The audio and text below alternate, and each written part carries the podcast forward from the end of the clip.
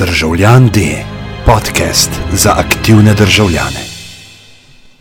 Evo nas, eh, dragi moji, um, ura je 16, uh, eh, pardon, um, se, uh, 19.18, um, tretji oziroma uh, predzadnji Predzadnji večer pogovorov o medijih oziroma o medijski sferi v Sloveniji, štiri mediji, to so ponedeljki v novembru, kjer problematiziramo oziroma debatiramo o medijski sceni v Sloveniji. Um, zadevo izvajamo v okviru uh, Zavoda državljan D. Uh, zelo smo veseli, da nas gosti najboljši poligon na svetu. Uh, brez njih bi, bi res v bistvu zelo težko tole spurali oziroma skoraj ne bi mogli. Um, prvič, oziroma, ste bili, zdaj lahko že vprašam, ste redni gosti oziroma ste bili na vsaj še enemu od štirih medijev? Nekaj kimajo, tako da the best. Um, tisti, ki ste prvič, pač, le, sorry, imate samo še danes, pa, pa, pa pač naslednji teden. Um, danes je v bistvu tema, danes imamo v bistvu na, na sporedu tri akcije in to je v bistvu samoregulacija oziroma regulacija, pluralizacija in zaključili bomo z balkanizacijo, tako kot vsak dober žur. Um, z nami je eh, današnji gost je dr. Marko Milosajevic, katedre za novinarstvo s FDV. Um, z njim se bomo v bistvu pogovarjali, uh, tako kot je naravnanost teh pogovorov, zelo, zelo praktično, no, oziroma um, cilj teh, um, teh večerov oziroma teh debat je tudi v tem, da se nekako razloži ali pa da se ljudem pokaže v bistvu, kaj vse je možno narediti oziroma kaj lahko vse naredijo znotraj sistema, da ni v bistvu edina varianta, ki jo imaš, ok, zdaj pa pred parlament, pa granitno kocko, pa bomo rešili vse, kar se da rešiti. Uh, in pa pač, da se nekako predstav, se pravi, neko, neko splošno področje oziroma nek, nek, um, nek sistem, znotraj katerega se te zadeve odvijajo. Um, tako da, ne vem, uh, prvo vprašanje bi bilo v bistvu uh, ravno ta recimo misteriozna oziroma famozna regulacija pa samoregulacija. Ne, šla bo recimo malo v zgodovino, najprej smo imeli, recimo za časa Jugoslavije, smo imeli regulacijo, potem je prišla osamosvojitev in smo začeli razvijati teorijo o tem, kako je regulacija za nič in kako mediji rabijo oziroma kako mediji hočejo samoregulacijo. Pa tako za uvod, v čem je razlika oziroma kaj, kako je izgledala regulacija in kako ne bi izgledala samoregulacija. Um. Dela? Ja. Okay, lepo pozdravljeni še v mojem imenu. Um, ja, zdaj, ta slika je mogoče malo preveč poenostavljena, ker jaz ne bi želel pojma regulacije povezati z Jugoslavijo pa socializmom, samo regulacijo pa z osamosvojitveno Slovenijo in z kapitalizmom, ker v bistvu ni nobene neposredne povezave. Um, ključna stvar je v resnici ta, da um, je seveda dolga leta um, država kot na nek način sistem, ne samo pri nas, ampak po, praktično povsod po svetu, vsekakor po veliki večini evropskih držav, um, ne, in zdaj ne govorimo o socialističnih državah, pač držala nad mediji zelo močne, um, zelo močne kontrolne vzvode, um, jih tudi zategovala po, po svoji potrebi ne, in um, ne, še v, recimo v sredini 90-ih let ko smo v Sloveniji že imeli na desetine razno raznih kabelskih programov, posebej zato, ker smo imeli slabo regulacijo in smo zato lahko piratsko gledali premnoge angliške in ostale televizijske programe, so v, v Veliki Britaniji v resnici je velika večina prebivalcev imela štiri televizijske programe. Ne, torej v času, ko smo pri nas imeli na desetine tudi angliških televizijskih programov, so Angleži imeli v resnici štiri programe, velika večina.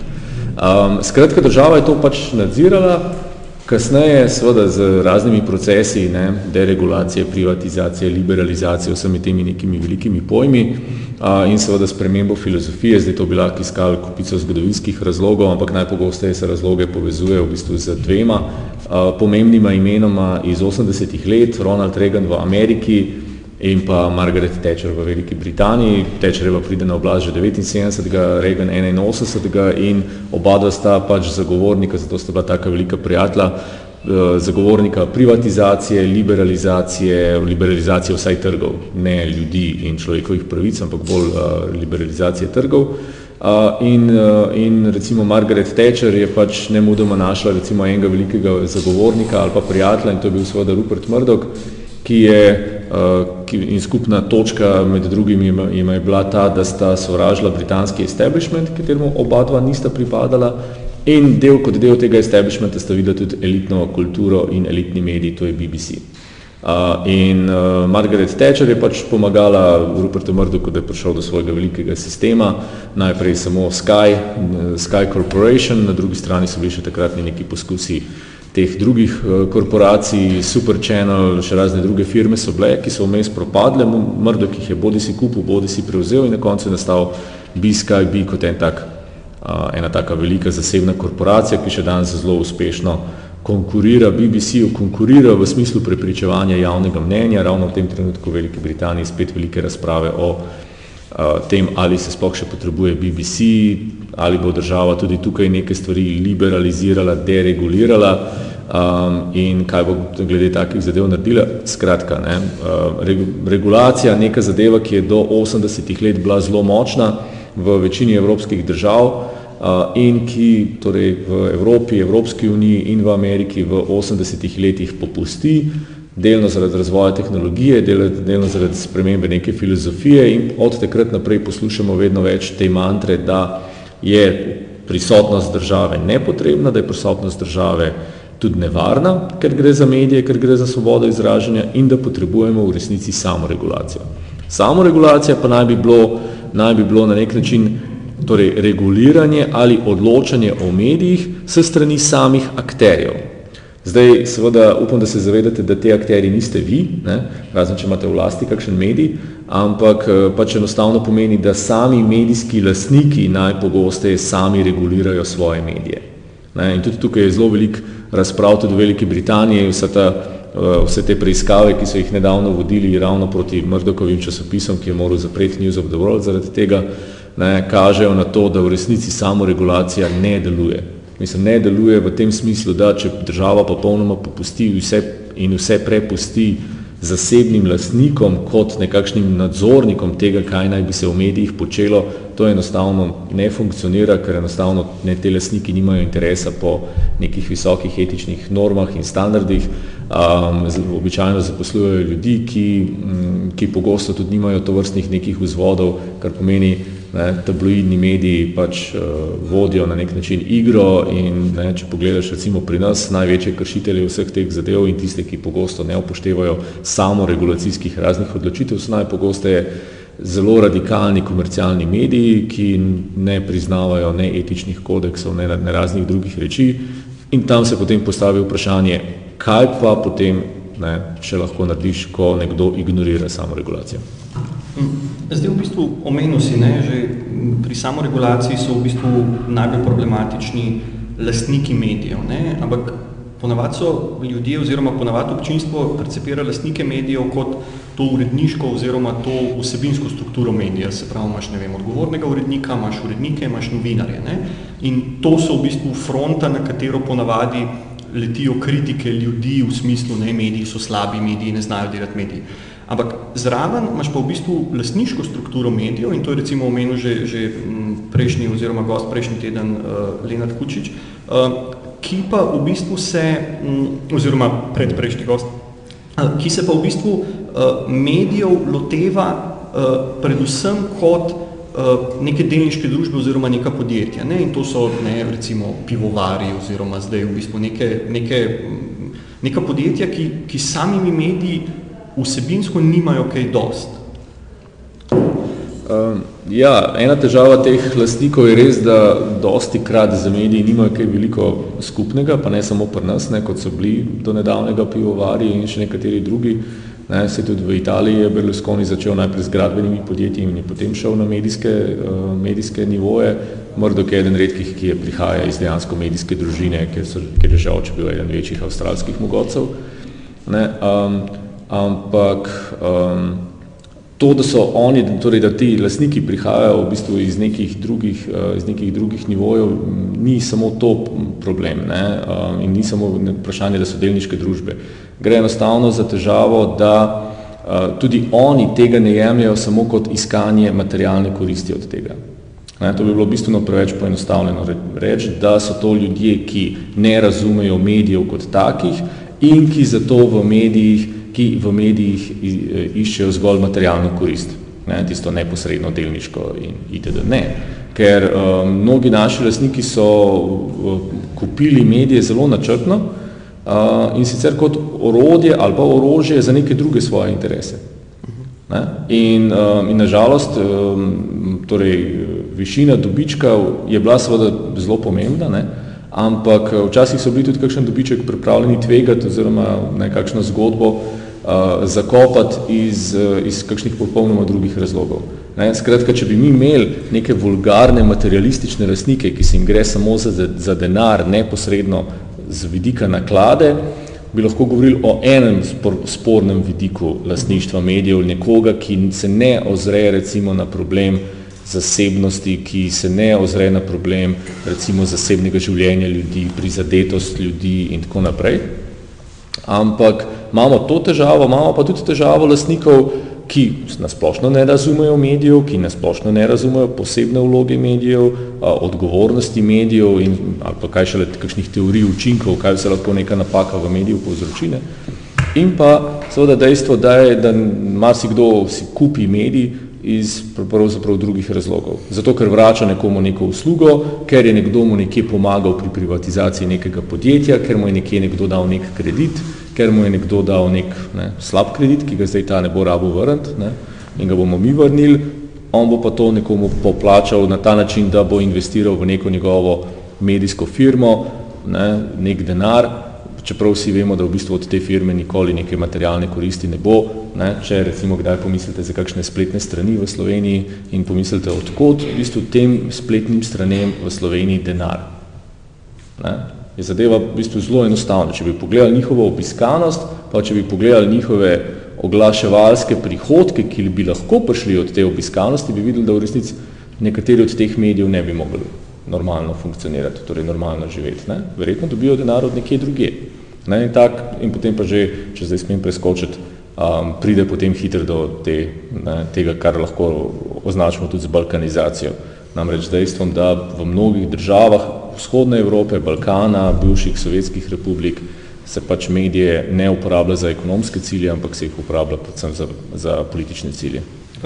Pa da ne bomo prehitro oziroma da ne bomo preskočili v bistvu direkti samo regulacije na balkanizacijo, bi mogoče najprej še malo glede teh lastnikov, ne, oziroma tega, da, da to niso ljudje, ki, ki razumejo medije oziroma ki bi vedeli, kaj z mediji početne. Eh, pa recimo eno isto vprašanje oziroma eno vprašanje z dvemi, eh, z dvemi v bistvu konci. Ne. Eno je, kakšen je idealen lastnik medijev, taka malo utopična, pa ta drugo, recimo, kaj so recimo neke take klasične slabe poteze, ki se konstantno, recimo v slovenskem prostoru, ki se konstantno ponavljajo, oziroma ko recimo medij zamenja lastnika, ne, kaj je tisto, kar ti da takoj vedeti, da je nov lastnik toliko slab, kot un prejšen ali pa še slabši.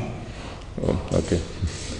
Uh, ok, dajmo začeti nekaj od tega prvega vprašanja o tem idealnem lastniku. Ne. Um, ja, zadnjič na tem novinarskem festivalu uh, Forward naprej so tukaj s kolegom Igorjem običem naletela na enega slovenskega lesnika, ki je imel neke pripombe o tem, zakaj, zakaj ima nenehno vidimo neke strice iz ozadja in zakaj širimo neke teorije zarote in itd. In kaj je narobe s kakšnimi od teh naših lesnikov in pač sem mu rekel, da ne, tako, če nekdo kupuje medij za milijon evrov, pomeni, da ne sme imeti v žepu milijona evrov, ampak mora imeti v resnici v žepu pet milijonov evrov ki, torej, kjer bo milijon, za milijon evrov bo kupil zadevo in potem bo v naslednjih nekaj letih še kriv toliko in toliko izgube in še investiral v to eh, firmo, zato da bo lahko čez nekaj let začela pozitivno poslovati, se razvijati in tako naprej. Skratka, nek idealen lastnik, ne, kot prvo mora imeti v resnici dovolj denarja. Ne, ne kreditov, ne nekih nekega denarja, ki ga je napraskal z nekimi hipotekami na stanovanje z, ne, in z slabimi krediti iz slabih bank in z ne vem kakšnimi vsemi oblikami um, in, uh, in z nekim neposrednim interesom, ki naj bi ga imel že čez en mesec. Ne. Ker pričakovanje, da boš ustanovil medij, ki bo čez en mesec prinašal dobiček ali pa da boš kupil, kupil v tem trenutku slabo ali pa šibko delujoč slovenski časopis in boš čez en mesec pričakoval dobiček, to je pač popolnoma nerealno. Vsi tisti, ki so kupili slovenske časopise v zadnjih časih in ne, nadaljujejo z načrti, kako bojo eh, povečali svojo dobičkonosnost ne, v naslednjih mesecih, se mi zdi, da ne, so že med tistimi, ki ne razumejo, kako pač mediji delujejo. Ko so američani ustanovili tabloid USA Today, mislim, da je bilo nekje leta 85, so že v prvotnem načrtu in tudi dejansko se je kasneje izkazalo, oni so predvideli deset let, da bo potreboval ta časopis, da bo se pokril. Ne. Um, Pop TV, ko je nastal, ameriški načrt je bil, da bodo prišli na nulo, v, torej sprotno ničlo pri poslovanju nekje v treh, štirih letih in da naj bi nekako začel vračati denar od samega nakupa in investicije v pop čez pet, šest let in tako naprej. Ne? In te stvari so se nekako približno zgodile. Skratka, nek lesnik bi moral imeti A, dovolj denarja, B, moral bi seveda razumeti osnove ekonomije, medijske ekonomije in tako naprej, da bi sploh imel realna prečakovanja, ne da potem po enem mesecu, ko ugotovi, da ne, zdaj pa prevzel medij in čez dva meseca mu ta medij še vedno ne prinaša dobička, nekega enormnega, ki ga je on splaniral nekje doma, ne, in potem že skoraj obupa in začne nenadoma panično odpuščati ljudi in ustanavljati turistična podjetja in uh, restauracije in karkoli že drugega pač zraven še naredi. Ne? To je ena od zadev. Druga stvar, ki bi morala biti, ne, vsi si nekako bi želijo, tudi mnogi v tujini, seveda imeti vsaj delno razsvetljenega lastnika. Ne? Lahko tudi ni razsvetljen, lahko je tudi pravzaprav zelo ignorantski, sam potem si želijo, da je v bistvu malo stran. Ne? Da v bistvu kupi zadevo in potem prepusti, ne, eh, da zadeva nekako funkcionira. V, v Veliki Britaniji je trenutno najbolj čislan, kot to vrsten lesnik je čislan Lebedov. Ne? Torej, ruski mogotec, ki je prišel v London, mlajši od 40 let, ne, uh, z bogate tajkunske družine, ki, um, ki je med drugim kupil Evening Standard, brezplačnik, in pa, uh, in pa Independent in je ustanovil še AI kot lažjo verzijo Independenta. Ne? In Evening Standard, s tem, ko ga je spremenil brezplačnik in Independent in njegova lažja in tanjša verzija I, so v tem trenutku med, med najbolj uspešnimi britanskimi časopisi. On redno prejema zdaj v zadnjih treh letih že vse možne nazive medijskega lastnika, menedžerja, karkoli že uh, leta. Uh, in, um, ne, in je tipičen primer lastnika, ki je kupil medij, z ogromno denarja, ki ni pričakoval od medija, da bo prinašal dobiček takoj čez tri mesece ali pa tudi ne čez eno leto, je pa hkrati bil sposoben ekonomist, kapitalist, da je razumel in hitro razumel logiko tega, kje potencijalno denar je um, in um, ki je hkrati razumel, da je lastništvo takšnega medija še vedno hkrati povezano z nekim prestižem in ugledom.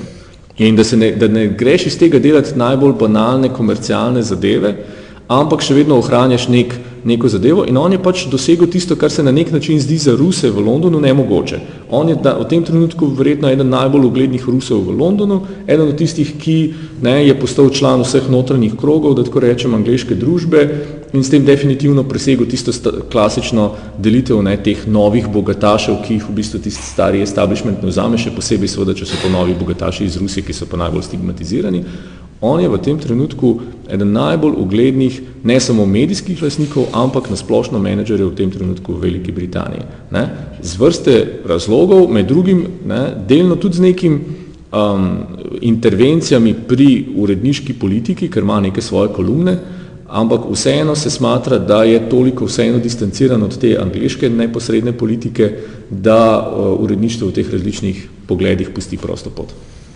Zdaj, v bistvu ena taka dosta naivna. Zakaj ugled medijev, oziroma zakaj se besedne ugled in mediji v Sloveniji tako ne, ne sliš doskrat? Oziroma zakaj ni te, tako kot si že ti rekel, na neke, do neke mere razsvetljenske percepcije lastništva medijev? Zato, ker se je v zadnjih petih do desetih letih skrajno zbanaliziralo. Zato, ker smo v zadnjih petih, desetih letih bili priča najbolj vulgarnemu trgovanju z mediji, kar smo jih bili priča v, v Sloveniji v teh 25 letih, um, najbolj vulgarnemu um, propadanju medijev, kar jih je kadarkoli bilo. Ne, ne smete pozabiti, da Jane in Stopa in itd.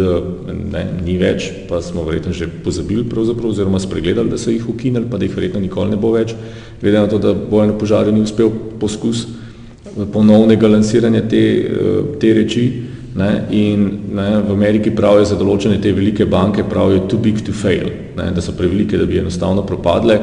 Ko smo pred, za Sandro Bašič Hrvatin pred nekaj leti napisala en tekst o tem, da je treba nekaj narediti na področju medijske politike, da te neki ključni mediji strateškega pomena v tej državi ne propadajo, um, ne, je, bila, je bil odnos tudi sami teh medijev, ne, je bil precej tak vzvišen v smislu, ah, ne, kaj nas to briga, ta vas, vaš poziv, ne, sej mi smo na nek način zavarovani, mi smo strateški interes Slovenije. Ne. Mislim, da zdaj nismo na nobenem tem seznamu ne, teh strateških slovenskih podjetij videli nobenega od slovenskih medijev. In uh, ne, kakorkoli se je še pred petimi leti, pa pred desetimi, pa prav gotovo, če bi naredili anketo in vprašali ljudi, ali si predstavljate, da propade delo, bi takrat, sem prepričan, 95 odstotkov ljudi rekli ne ali pripade, da si predstavljate, da propade dnevnik, zelo podobna številka, enako za večerom. Pa vsi vemo, da so na nek način na zelo ne, spolskem terenu glede, um, glede njihovega dolgoročnega obstoja. Ne. V takšni obliki da ne omenjamo težav za prodajanjem večera, ne, potem za nakupom samega dela, tujci bi hoteli v resnici samo slovenske novice kupiti, pa ne bi dela zraven kupili in tako naprej. Ne, skratka, medijev A nismo uvrstili v te neke kategorije, strateških podjetij, ki jih slovenska država želi obdržati in na drugi strani smo pač po nizu nekih čudnih lasnikov, um, uh, ne, ki so rušili res vse pred sabo, vse norme, uh, neke ne bom rekel poštenosti, ne, sej nismo naivni na nek način, ampak vsaj neke osnovne etike, no, so pa se mi zdi, da so pa pač popolnoma zadeve padle in propadle um, in da smo v nekaterih teh pogledih tudi nazadovali tam, kjer smo kakšne bivše Jugoslovanske republike že nekoliko uh, smatrali, da se neke, neke te stvari pri nas ne morejo zgoditi. Uh, jaz se spomnim, da je Janez Drnovšek v eni razpravi, ki smo imeli v medijih pred, pred 11 leti, rekel, da je on pre, da prizna, da je posvečal malo pozornosti medijem, zato ker jih je od nekdaj smatral za precej zdrav, zdrav del slovenske družbe in da se mu izdel, da medijska politika ni toliko pomembna. Ne. Uh, ampak uh, ampak uh, ne, ta zadeva se kar nekako še vedno vleče, ne, ta pomankanje te medijske politike in pač posledica je tudi ta, da si lahko ne, v naslednjih letih si lahko v resnici predstavljamo ali pa začnemo predstavljati že tako rekoč karkoli, ne, na drugi strani pa ne, so določeni od teh lastnikov iz teh medijev povlekli ven ogromno denarja. Ne. In zdaj, koliko od teh ljudi, ne, koliko, vas, koliko vas pa ve, kdo je v tem trenutku glavni urednik slovenskega časnika A ali B ali C. Koliko vas ve naštet, kdo je, kdo je, glavni, kdo je glavni urednik ali urednica dela. Ne, zadnji sem to nekje omenil, v, ker sem študente to vprašal in ker pač ni praktično nihče vedel, je potem nekje eh, Marko Crnkovič komentiral, da sej to je pa ja vseeno, pa tako naprej. Ne, pač za neke najbolj ključne medijske hiše v državi se pač predpostavlja, da ne, so vseeno neka takšna močna, prepoznavna imena, ugledna in tako naprej. Ne, in ne glede na to, kaj si kdo misli o tem ali o onem, od nekih od teh starih urednikov in, ali pa tudi direktorjev, ne, so to neka velika slovenska imena. Danes imamo upravka z nekimi imeni, ki, za katere živ Bog ne ve, odkot so prišli ali kako so prišli in ne, seveda rešujejo, ne, ne govorimo o tem, da pač so sami po sebi slabi ali kakorkoli že, ampak gotovo so na nek način tudi oni pahnjeni v neko drugo pozicijo, kot pa so bili imena uredniška in direktorska, ki so bila pred 20 leti. Ne. Zdaj, preden greva naprej, v bistvu sem še eno pod vprašanje, ki smo imeli v bistvu prejšnja debata, prejšnji teden je bila v bistvu te nove medijske prakse, ne, pa smo gostili torek o petih in, in uh, podcast mrežo Apparatus, ampak sem v bistvu, mogoče malo tako nespretno od mene, ampak sem v bistvu šele na sred debate z njimi ugotovil, da je v bistvu ravno to, kar si rekel, ne, to odmiranje tega medijskega gozda, ne, ki, ki je v bistvu rastel 50 let in se je obraščal in imel v bistvu neko, neko samoreprodukcijsko valuto, ne, da je v bistvu to zelo težko pričakovati, da se bo zdaj to zgodilo, da se bo ta naslednja generacija ne, tako močno pozicionirala v, ne vem, treh, štirih, petih letih. Ne. Pa me tako čisto zanima, ne vem, tvoja ocena ali pa tvoj, tvoj pogled na to, koliko časa, prej sva rekla, ne, da, se, da, se, da se mediji obrnejo v, ne vem, petih oziroma v desetih letih. Ne. Koliko časa, recimo, da imamo zdaj, da ta gost v najbolj katastrofalnem scenariju popolnoma odbre, se pravi večer, delo, dnevnik, ne, koliko časa bomo imeli v bistvu tle neko, da ne rečem temu, pogorišče. Pa, pa če recimo dajemo, damo, da, da takoj, ko vsi te mediji propadajo, pride nekdo, nek Rus, z, z velikim kufrom denarja in začne takoj po tistem, ko vsi propadajo, na polno investirati v to. Se pravi, najboljši scenarij katastrofe. Okay, um, to vrsta najboljši scenarij se seveda ne bo zgodil, v smislu, da bo prišel nek Rus z zakupom denarja in to z relativno preprostim razlogom, razen če bo rabo oprde denar ampak sicer ne bo prišel z enakim razlogom kot Lebedov v Londonu, torej ne bo prišel zato, da bi si dvignil svoj ugled in itd., ker si ugleda v Evropski uniji ne bo dvigoval na tak način, da bi kupil časopis v Sloveniji. Če si bo želel dvigant ugled, bo kupil časopis na Danskem ali na Nizozemskem ali kje druge, pa zdaj ne govorim samo o, ne, jaz govorim o bivših sovjetskih republikah, namenoma, zato ker imamo ne, zelo tak breku ambivalenten odnos trenutno do Rusije. Ne.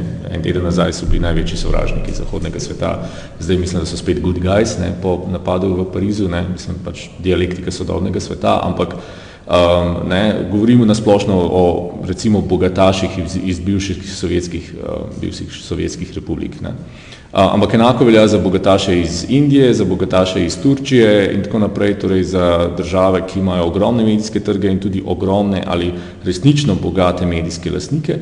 Uh, ampak seveda je za njih Slovenija ne samo kot tržišče premajhno, ampak tudi za tega simboličnega vidika, recimo ne, pozicioniranja v Evropski uniji, je gotovo za njih bolj zanimiva ena Danska, ena Norveška ali pa mogoče kakšna druga država, kot pa Slovenija, ki je tu nekje na robu, ki ni med najbolj prepoznavnimi državami, če smo že tudi pri tem, ne, uh, in še nekaj drugih razlogov, zakaj smo ne, na nek način tukaj za njih z vidika imidža na nek način nerelevantni. Um, z, z, pri vseh ostalih rečeh je pa tako, ne. treba se zavedati, da mi imamo seveda dva milijona prebivalcev in seveda to vedno znova ponavljajo vsi filmari in vsi kulturniki in itd. Ampak dva milijona prebivalcev je pač za medijski trg je res na nek način nepomembno. Ne. Um, govorimo o nekih številkah, uh, ki so pač v resnici v svetovnem, v svetovnem pogledu zanemarljive. Uh, in če torej ti neki veliki slovenski mediji v bistvu propadajo, je na tem nekem osrednjem področju še nekaj časa ne bo na nek način potrebe potem.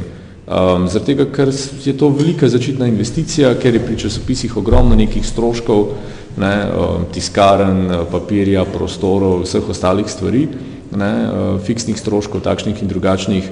Um, in um, enostavno ni to neko področje, ki bi bilo blazno z tega vidika perspektivno, ne, razen če že obstaja in nekako nekako teče. Ne. Imeli smo Stirijo, ki je ogromno vložila v Slovenijo, pa so imeli zelo ne, nespretne menedžerje na lokalni ravni in se zadeva pač ni nikamor premaknila, razen da so imeli nekaj deset milijonov izgube.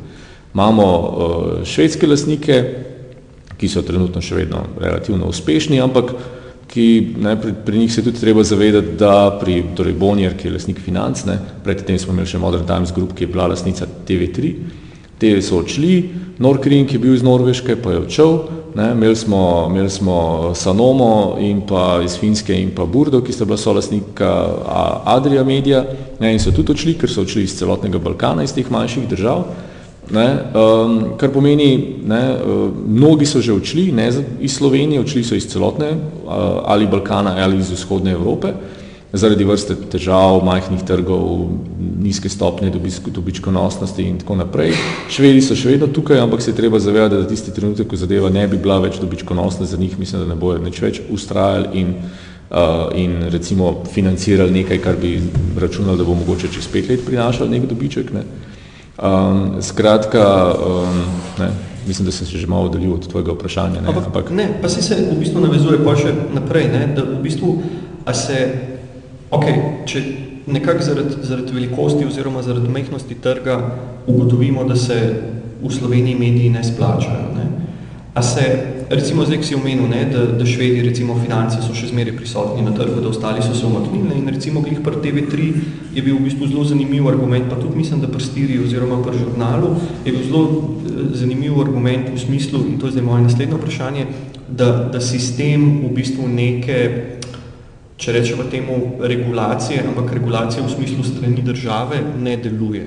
Oziroma, da imaš, da imaš problem v bistvu z, ne vem, ok, pa ne bomo zdaj, mislim, če bomo zdaj odprli to um, sam to zgodbo v bistvu z oglaševanjem, pa z ABK-jem, pa z uh, PopTV-jem oziroma s ProPlusom. Jaz bi mogoče to, pa ne pustil na stran, ampak to omenil kot eno od, eno od napak ali pa eno od problemov teh regulacij, tega regulacijskega postopka. Se pravi, zdaj se v bistvu premikava na vlogo države v, v tem medijskem prostoru. Ne? In zdaj mogoče spet tako čist za uvod pa na kratko, kakšna ne bi bila vloga države v temu vsaj na papirju, eh, na papirju samoregulacijskemu, samoregulacijskemu sistemu. Se pravi, kaj bi mogla država delati pa ne, oziroma ne, kaj dela pa po ja. bistvu ne dela dobro. Ja. No, se s tem, ne, s tem poudarjanjem te, te majhnosti je povezan ravno ta razmislek, ne, da trg v tej državi ali pa nek odnos laissez-faire v majhnih državah enostavno ne funkcionira. Po nekih ameriških študijah mora biti nacionalni trg za neke specializirane publikacije in tako naprej mora biti velik vsaj 10 milijonov ljudi. Tega ne izpolnjuje praktično nobena država, na, um, vsaj na Zahodnem Balkanu, ne. Ne, pa, pa še razne druge države tudi ne. Ne, ne smemo pozabiti, da je bila Slovenija ob osamosvojitvi je bila seveda druga najmanjša evropska nacionalna država, ki se je pojavila. Tako je, torej edina za Islandijo. Vse ostale države pač niso nacionalne, mislim, Luksemburg, Liechtenstein, eh, Andora in tako naprej, nimajo kulturne infrastrukture, nimajo eh, izobraževalnih, eh, izobraževalnih procesov svojih lastnih in tudi seveda mediji so pač pri njih z tega nacionalnega vidika irelevantni. In nobenega to vrstnega razmislika takrat ni, ni bilo. Ne, določeni mediji v Sloveniji so dobro funkcionirali, ampak so že takrat v 80-ih, 70-ih letih imeli za sabo močen sistem državnih pomoči, ne, političnega in drugih pač podsistemov, ne, od SZDL do raznih lokalnih oblasti in tako naprej. Nekateri so s temi lokalnimi oblastmi živeli še potem v neki taki ne, kohabitaciji, sploh lokalne radijske postaje in tako naprej, ki brez tega v bistvu ne bi mogli dobro funkcionirati. Ne, ampak dejstvo je ravno to, ker trg v na dvomilijonskem tržišču ne more zagotoviti ustrezne kakovosti informacije, vloga države še toliko bolj pomembna. In zato ne moramo niti toliko govoriti o samoregulaciji, ker je dejansko potrebna regulacija. Ne? In zdaj pa seveda potem pa pridemo do ne, stvari, kot so medijska politika v Sloveniji, ne, današnje razmere, razmere leta 91, kaj se vse vmes dogajalo, ne, za, kako smo mi prišli lahko v situacijo, da leta 2015 Ministrstvo za kulturo imenuje komisijo za pripravo strategije razvoja medijev v Sloveniji. Ne? Torej, 25 let. Ne? Mislim, po vseh, ne, ekonomska kriza traja sedem let. Mediji propadajo toliko in toliko let. Brez toliko in toliko medijev smo že ostali. Ne? Spomnim se samo, ne, že samo pri delu, recimo, ne, delo imamo še, ne, ampak veste, koliko vse stvari pri delu je recimo med tem zamrlo, propadlo in tako naprej. Koliko se vas spomne brezplačnika Total tedna, ne, koliko se vas spomne njihovega športnega časopisa AS, ne, koliko se spomne prilog, ki so jih najrazličnejših prilog, ki so jih imeli, od Good Life, D in tako naprej. D, Good Life je zdaj neka oglaševalska priloga, ki je ne vem, enkrat ali dvakrat na leto. Pol, polet izhaja zdaj na, vem, na 14 dni ali na koliko že je frekvenca se zmanjšala, ne, da ne omenjamo vseh ostalih projektov, ki so jih imeli, vključno za prevzemom Maga, ki je propadel, so naredili, so naredili revijo več, pa je revija več propadla, pa so iz revije več naredili prilogo več, pa je priloga več propadla, pa je bil studio delo kot nekakšna televizijski ekvivalent, ki naj bi šel v kabelski sistem, pa je tudi to propadl. Ne. Skratka, tukaj je bilo neuspešnih projektov ogromno. Ne. Dnevnik, dnevnik je prevzel to in ono, mislim, najrazličnejše tiste hopla, ne, uh, ki je propadla seveda med tem. Imeli smo, kupili so anteno, ne, torej časnik oziroma revijo ne, za velike denarje. Prva stvar, ki so naredili, so spremenili format. Ne, iz tistega znamenitega malega formata so naredili A4 format, ne, seveda, da ne osnovnošolci, ne srednje šolci niso več tega kupovali, če ne moš tega brati pod klopjo. Ne, mislim, skratka, po to napak tukaj v teh 25 letih je seveda, da je bilo ogromno in potem se na to, na te napake, menedžerske napake, uredniške napake, zraven še prilepi država, ki v 25, po 25 letih ugotovi, da pa potrebuje nekaj kot je strategija, kar je v tem trenutku prepozno je zastarelo na nek način kot koncept nečesa. Um, imenuje komisijo, ki bo zadevo v resnici zdaj proizvajala tako rekoč eno leto, namesto da bi jo proizvedla v treh mesecih. Ne? itd., itd. Skratka, ne, in kaj bo potem iz tega? Vmes bo se še kakšna ministrica zamenjala, še kaj drugega se bo zgodilo in zadeva bo spet šla v predal. Ne? Jaz imam tukaj le pred sabo, ni cela tale mapa, ampak v teli mapi noter je, samo da pokažem. Tole recimo je zakon o medijih, ki ga je pripravilo prejšnje ministrstvo za kulturo. Ni šlo še niti do javne razprave in do ostalih stvari. Kompleten zakon o medijih so že pripravili. In potem je padla vlada, ne? in minister Grilc je bil zamenjan in itd. Ne? In ta zadeva je na ministrstvu za kulturo verjetno nekje v najbolj spodnem predalu in seveda mora ministrstvo na novo delati zakon, ker ne, vsak minister ima pač težavo s svojimi predhodniki in pač ne bo, ne bo nikoli priznal, da je prejšnji njegov predhodnik naredil kakšen dober osnutek in mora vsak minister na novo delati zakon. Ne. In zato pač imamo še vedno zakon o medijih iz leta 2006 in zakon o RTV iz leta 2005, ker ne, vsak minister, ki pride vsaki dve leti, zamenja celotno zadevo, lansira velike načrte, vlada se med tem razpade ali pa se karkoli že vmes zgodi In pač imamo kopico takih dokumentov. Mi imamo strategijo razvoja radijskih in televizijskih postaj, ki jo je pripravljal takrat še APEC, še preden je bil AKOS. To strategijo so oni pripravili, če se ne motim, nekje leta 2007, še v, časa, še v času Janševe vlade. So pripravili kompletno strategijo razvoja radijskih in televizijskih programov. Ta zadeva je nekje na, v predalu, ne vem na katerem ministrstvu, ampak ta zadeva še vedno ni bila sprejeta. Zdaj, ena fusnota oziroma eno fusnotarsko vprašanje. Zakaj v bistvu medijska zakonodaja oziroma zakaj, kaj bi rešili, katerih problemov ne bi bilo, če bi imeli to področje dobro razdelan oziroma če bi se ta zadeva izva, pač uh, dorekla in potem tudi izvajala konsistentno?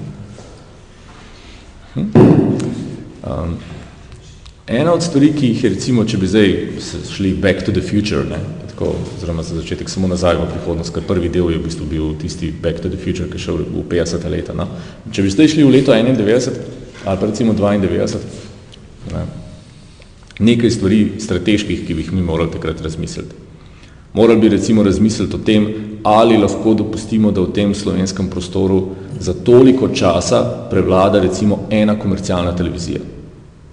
Torej, ena od največjih napak v tem prostoru z strateškega vidika je, bil, je bilo dovoljenje, da um, Pop TV oziroma Pro Plus prevzame kanal A leta 2000. Ne? Uh, kar je pomenilo popolno koncentracijo komercialne televizije v Sloveniji, uh, ki je zaradi svoje ugodne ekonomike in obsega ne, dodatnih programov in tako naprej uh, ne smemo pozabiti, da je Pop TV nastal kot združitev treh regionalnih televizijskih postaj. MMTV, Tele 59 in TV Robin. Mimo volje zakonodajalca oziroma ne, kakšen politik je pač mal, malce zamišljal in tako je nastal v bistvu Pop TV. Kot mreža, čeprav ni bilo nikjer v zakonu sploh predvideno, da kaj takšnega na ta način lahko nastane. Ampak so vsi zamižali, pa je zadeva nastala. V redu, gledalci so bili zadovoljni, dobili smo, dobili smo Pop TV, Ne, vstopili so še eni drugi tujci, na katere smo že pozabili, SBS, ne, družba z, uradno z Scandinavian Broadcasting System, ampak tudi ameriški lasniki, a, ki so prevzeli kanal A, med sabo so se začeli tekmovati in tako naprej, zadeva je izgledala perspektivno, ne, ker je taka konkurenčnost na nek način dobra ne, in za gledalce in za oglaševalce in tako naprej. Um, v nekem trenutku so naredili nek strateški dogovor med sabo, da, bojo, da se ne bojo več med seboj tekmovali in so zamenjali teritorije. SBS je v bistvu prevzela CME-evo televizijo na Mačarskem, CME je pa v Sloveniji prevzel v bistvu kanal A.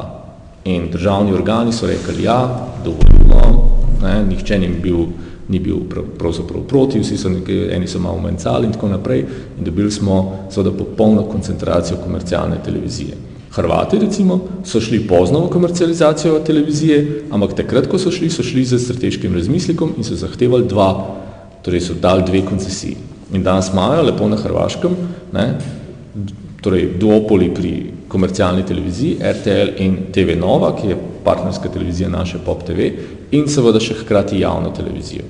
Ne. Mi smo zdaj zadnjih 12-14 let imeli pravzaprav na tem področju skoraj torej popolno koncentracijo, um, kar je bilo dobro z vidika za lastnike Pop TV oziroma CME z vidika dobičkonosnosti, je bilo pa zelo slabo za druge medije, ker takšnih popustov, kot so jim omogočale komercialne televizije in, in, in takšnih vseh ostalih pogojev in cen, ni nihče drug mogel pravzaprav omogočati. Ne. Dokler je sicer tudi trg oglaševanja rastel, so vsi bili delno zadovoljni, sicer so že takrat kritizirali ne, komercialno televizijo, ampak dokler je bila Slovenija v vzponu in oglaševalski kolač je rastel, so bili nekako tudi časopisi nekako zadovoljni. Tam smo naredili eno napako. Drugo napako, ki smo jo naredili, smo naredili, torej, ne, da ni bil nikakršen razmislek pri, recimo, na področju radija.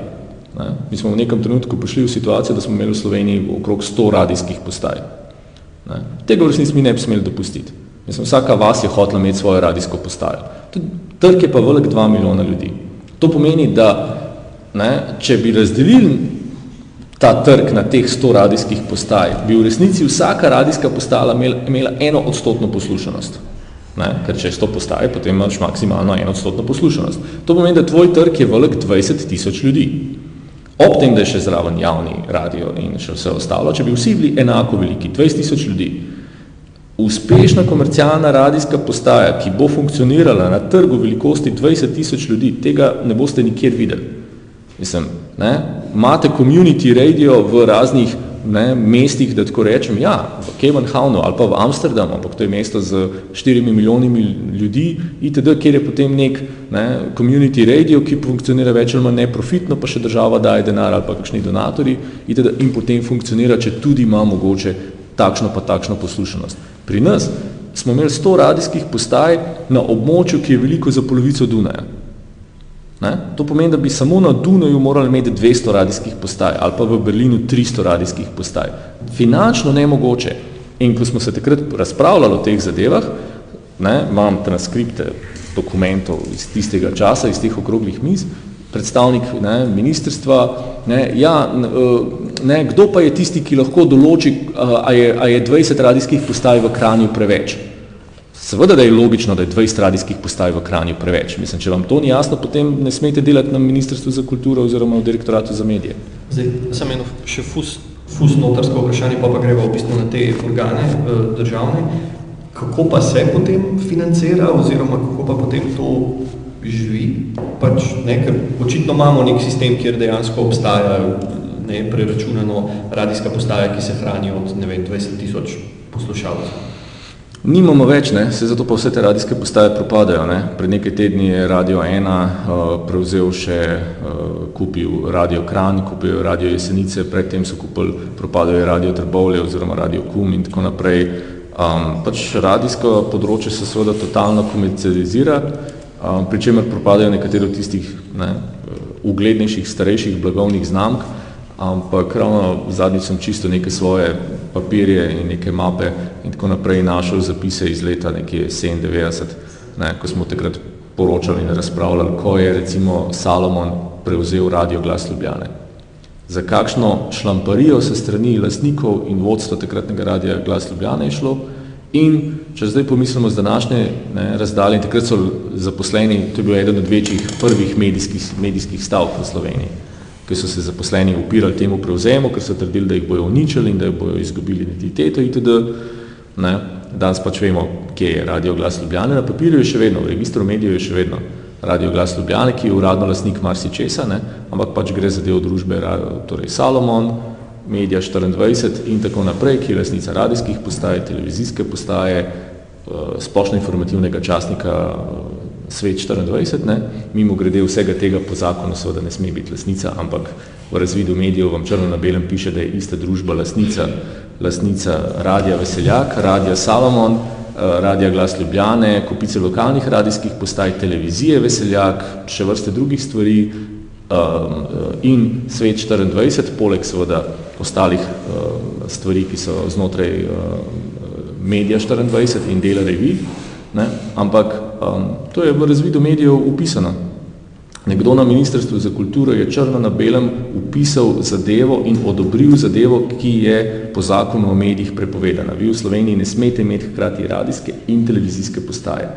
In ne smete imeti hkrati splošnega časopisa in radija in ne smete imeti hkrati splošnega časopisa in televizije.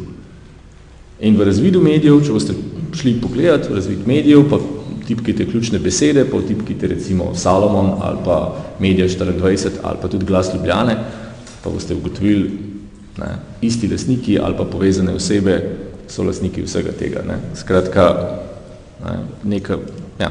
Ja, zdaj pridemo v bistvu ravno do tega naslednjega vprašanja oziroma do vloge države oziroma vloge te vloge države pri samoregulaciji. Ne? Zdaj, če prav razumemo oziroma tako nasplošno, imamo v bistvu dva organa ali pa dve enote, ki se ukvarjata s tem področjem. Ne? Eno je ta neodvisna agencija AKOS in drugo je Ministrstvo za kulturo oziroma Direktorat za medije znotraj Ministrstva za kulturo.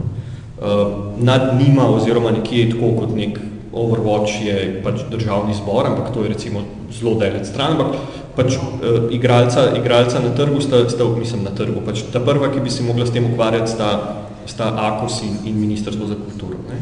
Um, zdaj, mogoče, ne vem, če spremljate kaj debato oziroma če spremljate kaj um, neko drugo kampanjo, ki se odvija znotraj državljan D zavoda, ta dajmo medije v medije oziroma problem v bistvu parlamentarnega programa, ne, kjer smo zdaj v bistvu na konc ugotovili, ne, da, se, da se pač da pač zadeva stoji oziroma da zadeva obstaja zaradi tega, ker se tri uh, ali pa dve organizacije med seboj združujete, da, da nista nekaj naredila oziroma da sta naredila neko stvar, ki je po zakonu, pa ne uh, zakonsko, uh, stvar, ki je zakonita ena plus stvar, ki je zakonita dve, dobiš nezakonito stvar. Ne. Pa me zdaj zanima, zakaj, tako spet malo naivno vprašanje za začetek, no, zakaj se to dogaja. Kje je v bistvu problem, da, se, da je država oziroma da so, da so ustanove, ki bi mogle kot regulator delovati na tem področju, tako neučinkovite oziroma da se zdi, kot da ne obstajajo. Zelo tako, ja. Hmm. Okay, če zdaj rekel... A, a je to hud, oziroma tako, zmeri vprašam, ne, a je to hudobija ali neumnost? Glede na to, da je na vseh ustreznih organih samo nekaj ljudi, ki se zlahka identificirajo, rekel, na to ne bom kar tako odgovoril, ne, ker, ker, ker oboje, ne, zadnji sem nekje na Facebooku sem napisal, da upam, da dejstvo, da so v to komisijo za pripravo strategije za medije imenovali osebo, ki je predsednica Rdečega križa, ne, da upam, da to ne pomeni, da pač ministrstvo smatra, da lahko medije pomaga samo še humanitarna karitativna organizacija, ne, ampak je potem bila ta oseba zelo užaljena. Um, tako da zdaj tukaj, ne, rekel, v, v, čisto v imena ne bom šel, ne, čeprav v resnici, ne, um, za, tako rečem, državljanska pobuda, okay, bi enostavno je, ne, zakaj govorimo o Ministrstvu za kulturo in zakaj govorimo o AKOS-u. To je ena od večjih težav v tem prostoru. In študenti, ki se na fakulteti pogovarjamo o kakšnih teh, ko pišejo kakšne te stvari, zakaj pišejo o ministrstvu tega pa tega, zakaj govorijo o tem, ne, ali pa seveda, da ne govorimo o pasivih in tako naprej. Prišlo je do proceduralne napake, veste, ne, ta pa ta tajkun je pač seveda odkorakal na prostost, tega pa tega niso ne nekaj, ker je prišlo do proceduralne napake. Se ni prišlo do nobene proceduralne napake. Nek sodnik z imenom in priimkom je pač naredil napako. In čez en teden je mogoče ta isti sodnik naredil spet še eno tako napako. In, in je naredil tudi še, še en teden kasneje. In jo pač bo delal verjetno še dolgo časa. Zdaj, ali zato, ker je nesposoben, ali zato, ker je pokvarjen, ali neumen, ne vem natančno, ne? Ker jih pač osebno toliko ne poznam. Samo vidim, da pač neke stvari se sistemsko pri nas dogajajo, redno. Ne? In na tem medijskem področju se določene stvari redno dogajajo. V razvidu medijev imate redno zapisane stvari, ki so nezakonite. In so odkrito noter napisane. Ne? Ker pač, ne vem, uh, En, en uradnik to naredi, ne vem, zakaj to naredi, ne, spet tvoje vprašanje neumnosti, nesposobnosti, pokvarjenosti itd., ampak dejstvo je, da to naredi. To so dokumenti, ki so javno dostopni in vi lahko pogledate na eni strani zakon o medijih in vi pogledate razvid medijev in boste ugotovili, da so noter zapisane stvari, ki so nezakonite. Ne? Ko postaviš vprašanje, zakaj je do tega ali kako je do tega prišlo, se pač seveda tekmujejo v tem, da ne, najdejo sto in en izgovor in potem so seveda spet vsi ti pasivi, ne, prišlo je do tega, pa tega bomo preučili itd. itd. Um, dejstvo je, teh ljudi je v resnici peščica. Ne, direktorat za medije ima zaposlenih peščico ljudi, inšpektorat za medije ima zaposlenih peščico ljudi. Na AKOS-u je ljudi, ki se ukvarjajo z mediji in ne z telekomunikacijami in mobilno telefonijo, relativno malo. Ne, imamo še svet za radiodifuzijo, ki je imel nekoč bolj pomembno vlogo, zdaj, ko so frekvence že več ali manj razdeljene, ne, je več ali manj tam zato, da nagaja Akosu ne, in da ga blokira. In, um, in to je v bistvu to. Ta, te ljudi se seveda da poimensko ugotoviti. Sej tudi pod upis parlamentarnega kanala v, v um, razvit, ne v razvit medijev, v dovoljenje, je upisana konkretna oseba z Ministrstva za kulturo. Ta konkretna oseba, če koga zanima, je Skender Adem. Ne? Zakaj je ta oseba to upisala noter in zakaj ni nikoli odgovarjala za to, ne? je pač seveda zanimivo državljansko vprašanje. Ne? Ampak tako kot verjetno še kakšne druga to vrstna vprašanja. Pred časom sem bil v eni od teh komisij za imenovanje direktorja oziroma direktorice direktorata za medije in sem jo pač vprašal, ali namerava spremeniti ljudi tam, ali jih namerava zamenjati. Ne? In je bilo, ja, ne moramo jih kar tako odpustiti, veste se, to so zavarovani, so pa ne, to sploh ne drži, ker nihče ne pričakuje odpuščanja teh ljudi. Ampak tako kot imamo pri veleposlanikih pravilo, da morajo krožiti in da so lahko na enem mestu, mislim, da samo en mandat, mislim, ali največ dva mandata v nekem kraju, zato da se preveč ne zbližajo s tistim krajem, državo in da se ne, jim ne postane tista kultura preveč blizu za razliko od slovenske kulture, ne? je to nek tako pravilo v mednarodnem tudi na nek način pravu in diplomaciji, podobno bi morali tukaj, tukaj veljati. Kako je lahko nek isti uradnik, ki je ne, na istem delovnem mestu, tam je že 15 let. Pa ne zato, ker bi bil tako vrhunsko sposoben, ker bi bil tako specializiran, pa karkoli že daleč od tega. Ne? Ravno nasprotno, zdi se ti, da kot da, je, kot da ni tam 15 let, ampak kot da je pač včeraj prišel, ker še vedno govorijo ljudje kakšne take stvari, na kakšnih razpravah in itd. In stvar je enostavna. Mislim, te ljudi je treba prevetriti.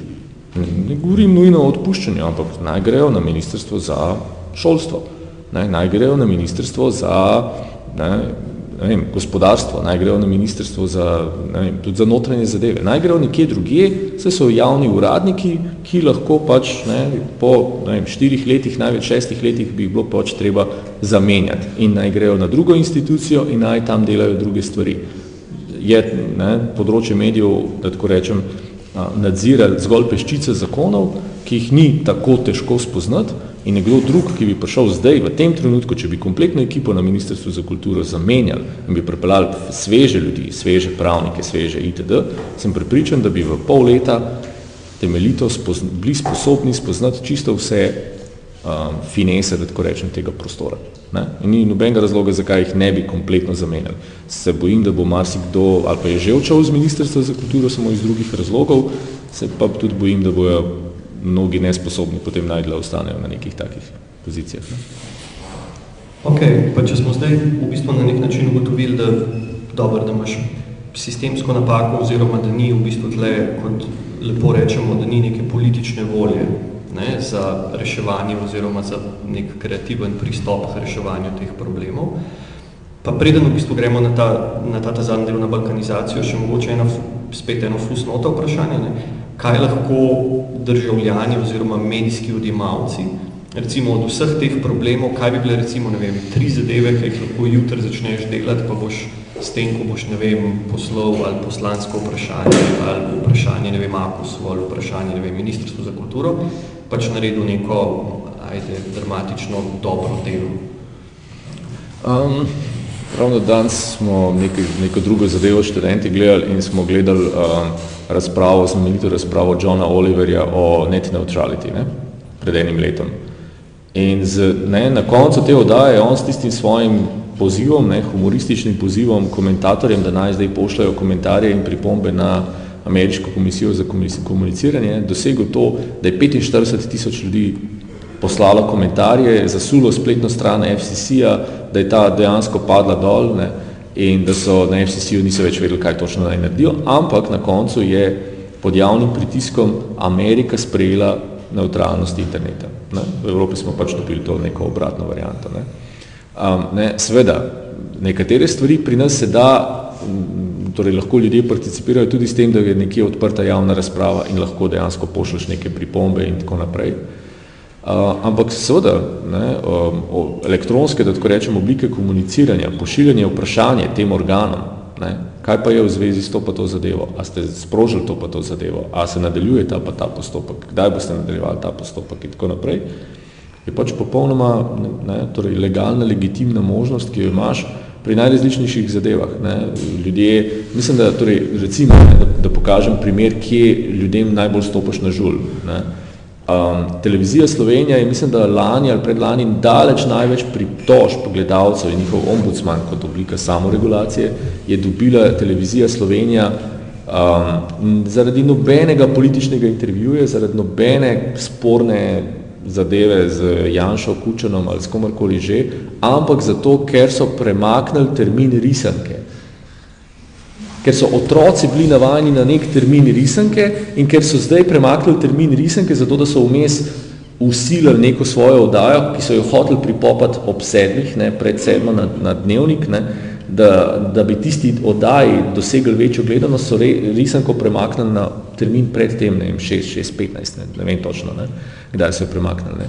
Ombudsman je bil zasud s pri, pritožbami staršev, ne, da kaj se pa grejo, mislim, pač otroci njihovi so navajeni na to pa to in pač risanka ima biti ne, 10 do 7 ali kdaj je že bila, ne, 15 do 7 in, in, in nikaj razpravljati. Ne. Skratka, ne, ljudje s nekimi te, to vrstnimi akcijami, ja, jih lahko pripraviš na neke stvari, ne, seveda, tudi ljudje se seveda zelo pogosto se v resnici oglašajo, sej, ne, te že v starih časih, da tako rečem, še preden je bila vsa ta interaktivna varianta, seveda, da so zvonili telefoni v redakcijah in ne, tajnice v redakcijah so vse točno vedle, ne, točno so vedle, kdaj je polna luna. Ker takrat je bilo pač daleč največ telefonskih klicev in to že ob 8 zjutraj, ko seveda nobenega novinarja še ni na delovnem mestu, je seveda so zvonili telefoni in ljudje so kričali in itd. itd. Ne. Ampak določene stvari so lahko tudi seveda s tem pravzaprav dosegli, ne samo z nekim trolem, ne, nekimi zlobnimi ne, komentarji in, in privoščljivimi in itd., ampak dejansko. Ne, in seveda, zdaj vprašanje je, katera je taka zadeva, ki bi ljudi toliko na nek način zmotila, ne, a bi prebivalci, ne vem, jesenic zdaj bili toliko jezni in užaljeni, ker nimajo več radija jesenic v taki obliki, pa bi hotel imeti radio jesenice v isti obliki naprej in bi zdaj kaj bi lahko dosegli. Ne? To je pač zdaj neka zasebna, je že prej bila zasebna firma in je zdaj še naprej zasebna firma in to si težko predstavljam. Lahko verjetno glede posamezne vsebine, lahko glede posameznega odnosa. A je vam v redu, da na parlamentarnem kanalu zagledate Formulo 1 ne? ali pa nogometne prenose? Ne? Se zdi ta zadeva precej sporna. Ne? Tudi če ne poznam ultra zakona, ampak se mi zdi to, ta paket, Ne, mislim, da če bi kogarkoli z BBC ali pa ARD vprašali, bi vam bi vsak rekel, uh, to ni dobro. Ker pač vsak urednik ve, da mora biti prehodi, ne, ustrezni prehodi pri časopisu, pri reviji, ne, ustrezne zadeve morajo biti na radiju, ne, stari glasbeni uredniki so točno vedeli, ne, se spomnim, ko je Marko Prpič na radiju Glas Ljubljane bil, če ne vem, ne, uh, Tomi Gračan in dal kakšno kakšne party breaker se zjutraj ali pa kakšne električni orgazem, ne, mu je takoj ven vrgu in takoj ga nahrulu. Ne, da pač tega ne moreš zjutraj vrteti, zjutraj mora biti taka pa taka glasba, ne, party breaker se lahko pa vrtiš ob devetih zvečer ali pa ob sedmih zvečer recimo ali pa kaj podobnega pa električni orgazem. Ne. In, ne, ne moreš pa ljudem ob osmih zjutraj, ko grejo v službo vrteti, jaz sem težek kao konj, ne, kot je bil recimo takrat sporen sporna pesem, zaradi katere je znoro, ne, recimo, skratka, pač so neka profesionalna pravila. In ne moreš po nobenem profesionalnem pravilu, če boste pogledali spored za nekaj tednov nazaj, videti, da je po, m, tiskovna konferenca a, predsednika vlade ob begunski krizi, ne, Miro Cerar ima tiskovno konferenco o begunski krizi, je ob enih nedeljo, ob dveh je Formula 1 in ne vem, ob štirih potem je pa razprava v parlamentu o socialnih pravicah uh, samskih staršev. Ne? Mislim, to vam vsak urednik bo rekel, da to pač ne funkcionira. Ne? Seveda, je pa po drugi strani dejstvo, da seveda danes pa se lahko že pohvalijo, ne, da je gledanost parlamentarnega kanala v povprečju više za 100 odstotkov. Ne? Seveda, ker je gledanost tistih vdaj še vedno ista, vmes daš Formula 1, ne, in potem rečeš, dvignili smo gledanost parlamentarnega kanala za 100 odstotkov. Ne? Zdaj, eno pod, pod vprašanje oziroma tako spet neko fusnota, ne argument v bistvu, mislim, argument na drugi strani je v bistvu, da, da je ta parlamentarni program v bistvu bil že skoncipiran čist na robe oziroma nekak izsiljen strani, ne vem, mhm. vlade oziroma neke politike ne? in da se zdaj v bistvu RTV na nek način pač rešuje tisto, kar se rešiti da, oziroma kar pa pač vedema premehno, premehno pregrinjalo ne, in zdaj v bistvu vleče sem in tja, da je približen postla pokrita. A je to, mislim, nek argument, ki zdrži, ali bi bilo boljše v bistvu, da bi se RTV v tem primeru javno izrekel, da pač ok, parlamentarni program je unsustainable, dajmo zdaj ali A, ne, spremeniti zakon in upisati noter Formulo 1, ali B, ne, pač sprožiti javno razpravo oziroma to javnost problematizirati in ugotoviti, da se to pač ne, ne, ne, ne izide in da dajmo poiskati neko alternativo. Mislim, vse stvar je pač popolnoma jasna. Ta parlamentarni kanal je izsilila politika, v nekem določenem trenutku so pač poslanci želeli imeti takšen televizijski kanal, bile so alternative, bile so opcije, da bi to lahko naredili. Že takrat se je razpravljalo tudi o internetu, predvsem tudi o radiju, ampak seveda, da jim radio ni ustrezal, verjetno iz nekih pač egoističnih razlogov so se radi gledali in so hoteli imeti televizijski program. Televiziji Slovenija niso zagotovili no, nobenih dodatnih sredstev za to, ker je v utemeljitvi zakona pisalo, da ta program ne bo prinesel nobenih dodatnih stroškov. Ne, ker so si verjetno predstavljali, da, bojo, da bo TV Slovenija postavila nekaj kamer, ki jih bojo ne, na daljinca upravljali iz televizije Slovenije in bojo to snemali in to bo pravzaprav to. Nobenih dodatnih stroškov ne bo s tem programom. Ne. Seveda, da v resnici se pač, ne, je bilo že takrat jasno, da se to ne da početi brez stroškov in seveda, da je bilo tudi jasno, da bo gledanost tega izredno, izredno nizka. Gledanost CSPN v Ameriki, ne vem, če, mislim, gotovo ni en, en odstotek ne, te podobne televizijskega, podobnega televizijskega kanala, ki je v Ameriki. Ne, če CNN doskrat nima niti enega odstotka gledanosti na nacionalni ravni. Ne. Um, in uh, pač gledanost je bilo jasna, da, da ne bo skoraj nikakršna, tudi zakon ni omogočil nekega oglaševanja znotraj tega itd. Ne, in seveda, da je tukaj je, ne, je problem, ampak takšen je zakon. Ne, in zdaj, tak zakon je zdaj velja že skoraj deset let. Ne. Parlamentarni kanal, ne, poslanci niso upoštevali niti tega, da ni bilo več frekvenc za tak parlamentarni kanal. V strokovni razpravi smo upozarjali na to, da ni več frekvenc v državi, s katerimi bi uspel skupaj združiti, da bi nastal tak kanal, ki bi imel tako pokritost. Tudi to so ignorirali. In zato je bilo potrebnih tri do štiri leta so bila potrebna, da je TV Slovenija sploh nabrala razne frekvence, s katerimi je zagotovila neko pokritost slovenskega območja od nekih ne, zamrlih frekvenc, neuporabljenih frekvenc ali pa neuporabnih itd. Ne, in so nekako dosegli neko pokritost, ampak zato parlamentarni kanal sploh ni štartal takrat, ko bi moral, ampak s triletno zamudo. Ne? In seveda, zakon je na nek način pač neživljenjski, ne? uh, ampak takšen je zakon. In je tam že sedem let in vodstvo televizije in radija televizije Slovenije kot celota ne, je na nekih vodstvenih položajih ali pa dela tam ne, na parlamentarnem kanalu že vsaj pet let. Kar pomeni, da so gotovo to ugotovili že pred časom, da imajo tukaj težave in oni bi lahko sprožili pobudo za spremembo zakona.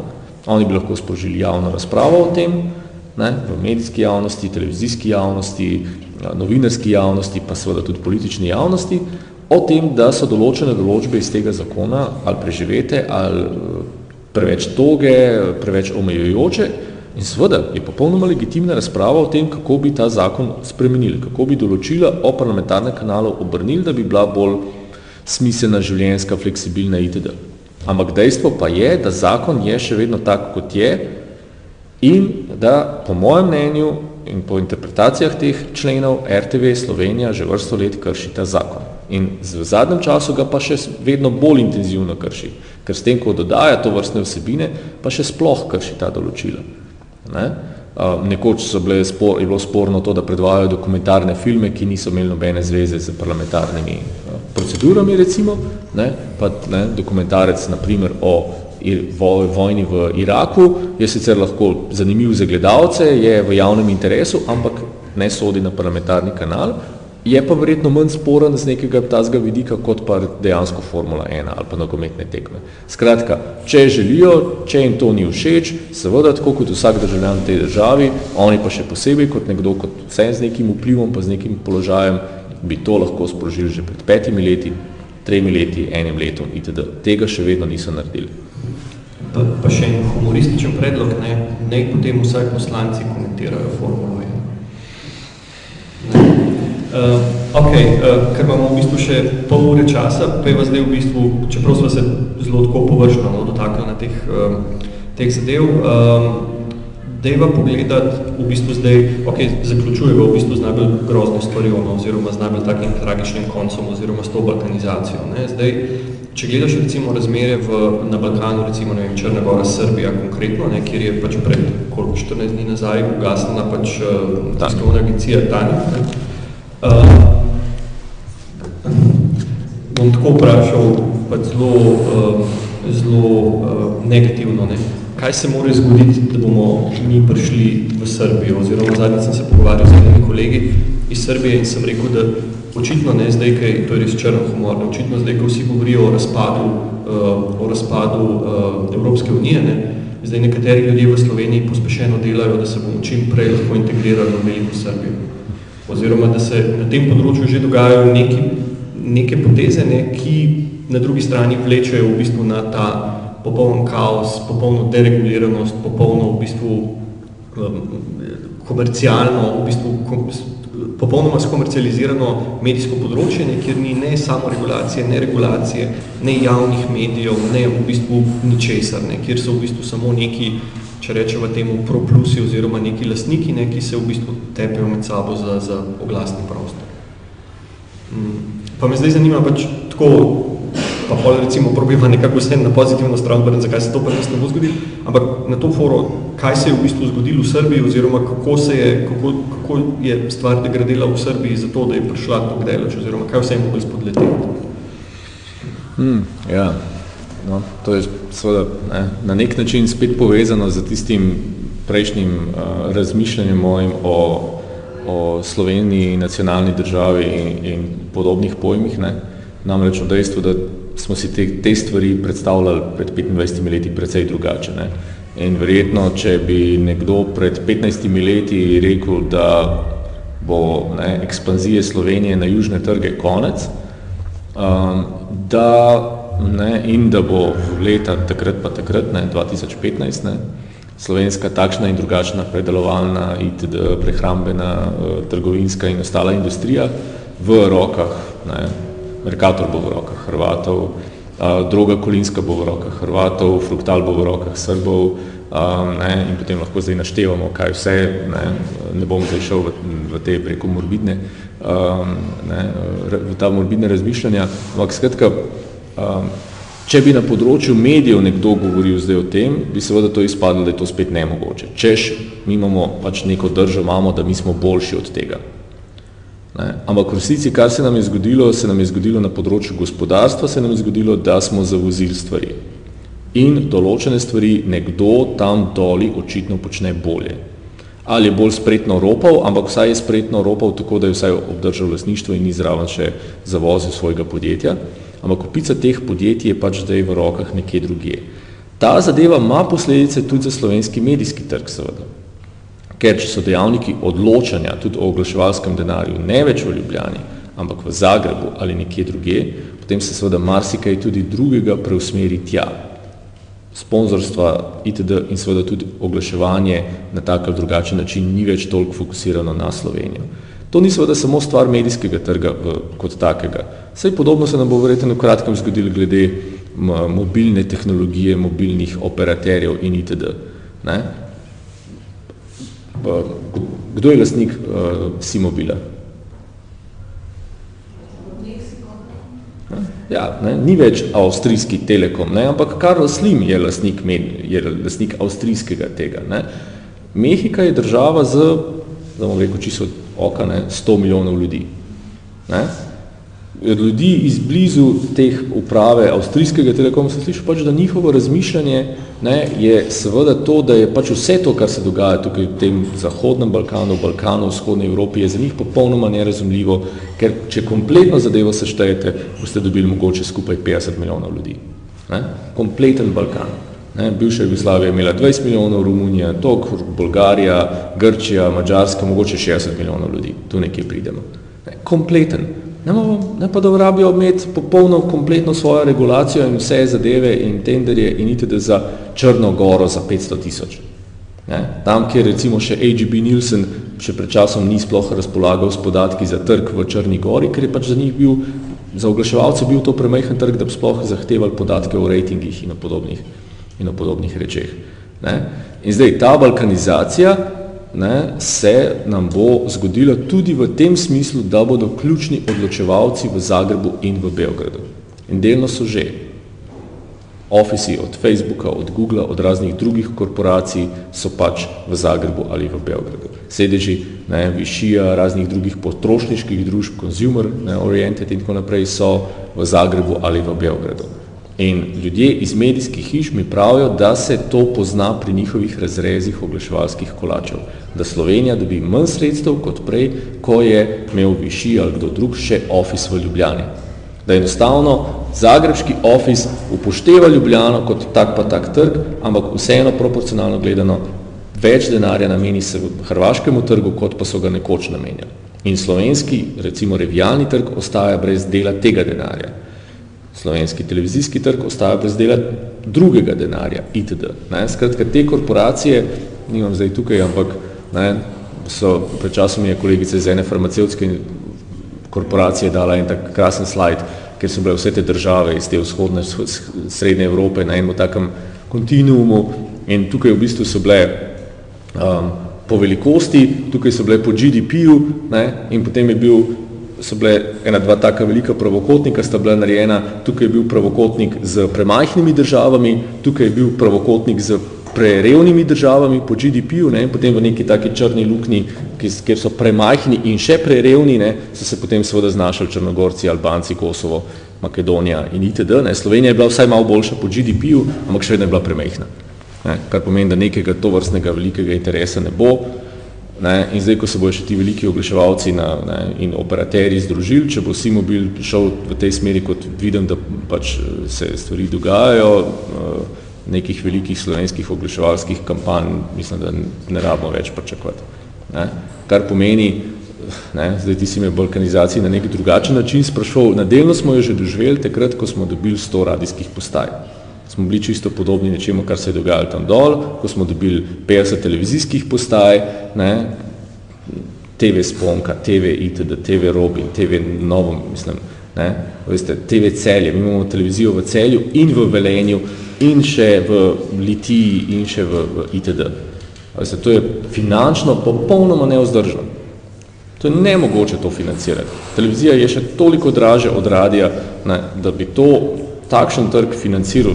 Se zato pa imamo te lokalne televizijske postaje na takšnem nivoju, v bistvu kot so, ker so pač večinoma, ne, mislim, da ne vem, če ima katero od tistih televizijskih postaj studio takšne velikosti, kot je ta prostor. Ne?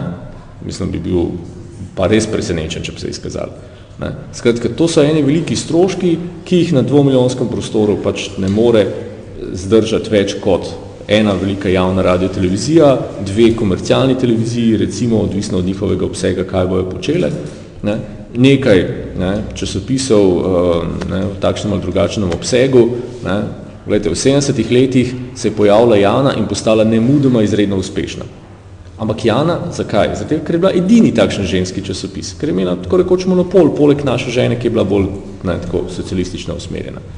Ne? Seveda, da danes, ko imamo na nekem ne, kiosku 30 ženskih revij, ne, imamo že na nek način to balkanizacijo v smislu tega, ne, množice stvari, ampak kvalitete pa ni praktično od nikje. Množice konkurentov, ki si konkurirajo z nižjimi cenami, nizko kvaliteto, um, ne, mnogi od njih sploh lektorjev nimajo, nekateri od njih, uh, zadnjič sem opazil eno revijo, plačljivo revijo, ne brezplačno, ki ni imela v celotni reviji ene avtorske fotografije. Vse revije so bile iz tega šatrštoka ali pa iz eh, PR gradiv od proizvajalcev ali pa iz osebnih arhivov, intervjuvancev itd. Ene avtorske fotografije nisem imel. Arhiv, dokumentacija pa je potem vir internet. Ja, ne, ampak Se se tudi na televiziji kdaj vidite, ne? Se, se na televiziji včasih vidim, na kakšnih komercialnih televizijah vidim, vidim posnetek, ki je vzeti iz kakšne tuje televizijske postaje, čez katero nalepijo nek svoj znakec, ampak se vidi, da je pač, ne, ta, če bi oni kupili ta posnetek, tistega posnetka tam gor ne bilo. Ne? In je pač očitno vzeti v bistvu nezakonito. Ne? Ampak skratka, ne, nekaj teh balkanskih navad tudi lepo imamo, ne? se jih nismo nikoli čisto znebili, ne, kraje fotografij, kraje posnetkov, prej sem omenil tiste zlate piratske čase, ko smo imeli vse televizijske postaje na voljo v Sloveniji, ne, šel si čez staro Ljubljano, pa si imel štande za presnetimi kasetami, ko še ni bilo toliko CD-jev, največja založba pri nas, mogoče še vedno največja, ne, Menard je začela tako, da je gospod Menard imel štande za presnetimi kasetami, ki jih je ponujal in tako naprej, ne, uh, ta pač ponudba je bila, ne, danes imate neko podobno zadevo še vedno na nek način, ko ne, boste naleteli na tok pa tok ljudi, koliko glasbe se pa v Sloveniji proda. Proda. CD-ji, a še kdo kup CD, ne, trgovin za CD-ji skoraj več nimamo. Zdaj me pa prav zanima, koliko ljudi uradno kupuje stvari na iTunesih, pa na Spotifyjih, pa Deezerih, pa, pa itd. Me prav zanima, tudi kar se slovenskih izvajalcev tiče. Ne? Pač navajeni smo na to neko brezplačnost, beri piratskost itd. in to ni dobra popotnica za to, da si na drugi strani nek medijec, ki želiš imeti paywall, ki želiš imeti piano, ki želiš premium zaračunavati neke stvari, vsebine, ali to glasba, ali to eh, časopis, ali to eh, televizija. Ne? Zakaj pa bi, če bi, kot si ti Zančo opazil, opazil, ne, se na Facebooku pojavi Facebook profil Netflix Slovenija. Ne? In ko jih upozoriš, da Netflix ne bo v Sloveniji in nima nobenih načrtov in da njihovo zaračunavanje 8 evrov na mesec za nek naročniški paket je v resnici ilegalno, bi bil njihov komentar, pa dobro, pa kaj težiš. Ne? Mislim, leta 2015 se pojavi nekdo, ki, ki sebe predstavlja kot Netflix Slovenija in ki vam zaračunava 8 oziroma 7,99 evra na mesec za vašo naročnino na Netflix, ki v resnici sploh ni naročnina na Netflix, ampak verjetno nek ilegalen password, ki vam ga dajo mimo volje in vedenja Netflixa. In to je leta 2015 pri nas dovoljeno in nekaj normalnega in ko nekdo nekaj reče, tako kot kdaj mi dva rečeva glede parlamentarnega kanala, je pa dobro, no, pa sej to je sam tako, ne, sej to je nekaj majhnega, pa kaj se razburjaš? In isto je to, ne, Netflix Slovenija imamo, pa ga v resnici nimamo, ne, Netflix nič ne ve o tem. Ne? In nismo nič napredovali. Od takrat, ko smo kradli Super Channel, pa Sky Movies, pa Movie Channel, pa itd., ne? nekje 94, pa 93, ne? leta 94 ali 95 sem delal intervju z, tip, z direktorjem firme MultiChoice, ki je prišla v Slovenijo, ki so bili prvi, ki so nam hoteli prodajati Pay TV paket nekih film, na, torej, programov za filme, glasbo, dokumentarce itd. Ne? Takrat ni bilo šans, da bojo Slovenci začeli nenadoma plačevati naročnino za neko tako zadevo, razen tisti, ki niso imeli kabelske.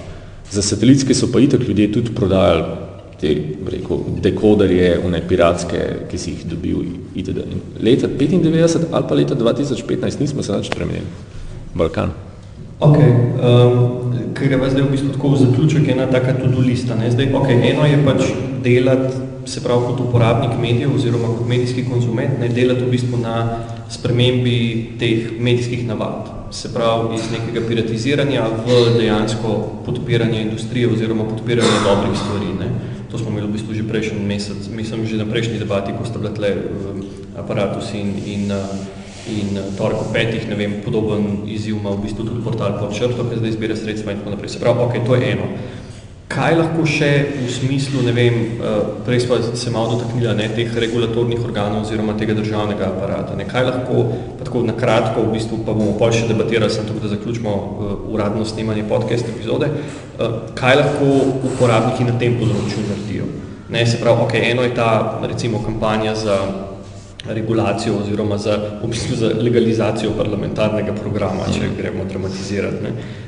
Kaj se lahko na tem področju še katerih metod ali pa katerih potez se lahko na tem področju še poslužuje medijski odjemalec za to, da bo pač pripomogel k boljšemu jutri. Hmm. Ja, mislim, sej ta kam, neksim, kampanja ali pa karkoli že temu rečemo akcija glede parlamentarnega kanala je na nek način za enega navadnega uporabnika je irelevantna z vidika, da a, ne gledajo parlamentarnega kanala že itak, ne, ker verjetno ne vem, kdo točno to gleda, ne, In druga stvar, da jih to, če je zdaj tam Formula 1, v bistvu niti kaj, nič kaj preveč ne moti. Ne? Se gre za na nek način simbolično zadevo, ne? a živimo v državi, kjer se zakoni spoštujejo in a živimo v državi, kjer ne, se ne samo, da se principijelno spoštujejo, ampak ne, če se že nekdo dela, da tega ne vidi, pa vsaj takrat, ko ga opozoriš na neko stvar in to dokumentirano opozoriš na neko stvar ali ustrezno odreagira. Ne? Vsi vemo, da nekdo gre čez cesto mimo prehoda za pešce, nekdo gre po, pospešuje na cesti, ampak veste, to je ekvivalent tega, da vas policist v bistvu ima radar, ne, pa vidi, da ste vi zdaj ravno kar izsilili ali pa nekaj, ne, da ste zbil ne, uh, invalide na prehodu za pešce, ste ga zbil, ne, ampak policist reče, pa dobro, no, sej se ga ni ubil, ne, mislim tako, pač se mi ne splača, se mi zdaj tle celega postopka zaradi tega izvajati. Ne. Sej, vi, sej se boste vi nekako, aja, dvignil se dlih čist ne boste, no, ampak ok, vam bojo pomagali, pa, ne. mislim, sej niste mrtvi. Ne. In neka taka logika je doskrat prisotna pri medijih. Ne. Ko upozoriš na neko zadevo, ki je nezakonita, pa dobro, no, pa sej to je tako malo, ne, mislim, ne. Gre za simbolično zadevo, gre za pomen nekega spoštovanja pravne države, pravne kulture itd.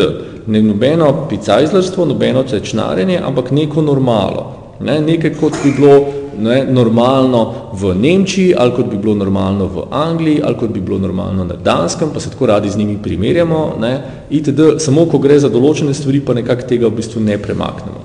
Ne. Enako, kar se tiče te reakcije. Ja, marsikatera zadeva ne, vas verjetno ne bo razjezila, ampak ja, seveda, če vas razjezi neka stvar v medijih, v, tudi v smislu, ne, za določene stvari niso ministrstva pristojna, ampak za določene stvari, po katerih pa po zakonu so, ali je to zdaj koncentracija lasništva, ali je to dejstvo, da predvajajo kakšne vsebine takrat, ko jih ne bi smeli predvajati. Mogoče je preveč oglasov, mogoče so prepogosti oglasi, Ne? Teh kršitev je bilo v preteklosti ogromno. Jaz zdaj več ne sedim nekako pred televizijo s tisto štoparco itd., mislim, ne, da bi zdaj tam gledal. Ampak, veste, ne, še pred časom je bil zakon o medijih je bil recimo tak, da je bilo dovoljeno prekiniti oglase na torej, vsake pol ure. Ne, torej, več kot 30 minut po tistem prejšnjem zakonu, 2001. Ne. Na pol ure. In ni bilo nobene, glede manjše pa pa itd. In kar se je zgodil, real, ne, recimo, predvajali so recimo ne, prijatelje, in začela se je špica in takoj po špici bil glasni blok. Hm, v redu, ok. Oglasni blok je bil sicer tudi pred špico, ne? potem je bila špica, potem je bil oglasni blok, potem je bila ena prekinitev sredi prijateljev ne? in potem še pred koncem prijateljev. Zdaj, ne, ne rabim biti ravno matematik, da, nekako, ne, da ugotovim, da če so prijatelji dolgi 25 minut, da nekako trije oglasni bloki v 25 minutah niso ravno po zakonu. Ne? In takrat je bilo pač podobno, neka pasivnost, neko to, itd. Skratka, hočem reči, nek, nekega uporabnika verjetno razizi mogoče preveč oglasov nekoga razizi, ne bom rekel zdaj preveč nasilja, mogoče je neka druga stvar, ki pač neustrezna. Ja, seveda, najslabša stvar je, in to, kar so se tudi prej pogovarjali, ne, v tujini dejansko pri vsak, vseh teh stvareh so prav ljudi, ne, ponekod so politične stranke, ponekod so nevladne organizacije, v bistvu učijo dejansko, kaj vse je dejansko treba in kako tečen na nek način moraš biti. Ja, pač zagledaš zadevo, mm -mm, pošleš mail. Ne? Vse od teh institucij, svet za radiodifuzijo, AKOS, tudi svet za elektronske komunikacije, inšpektorat za medije, v agencije za varstvo konkurence, recimo. Pač, ne? Tam imajo neke kontakte, tam imajo frequently asked questions, itd., itd.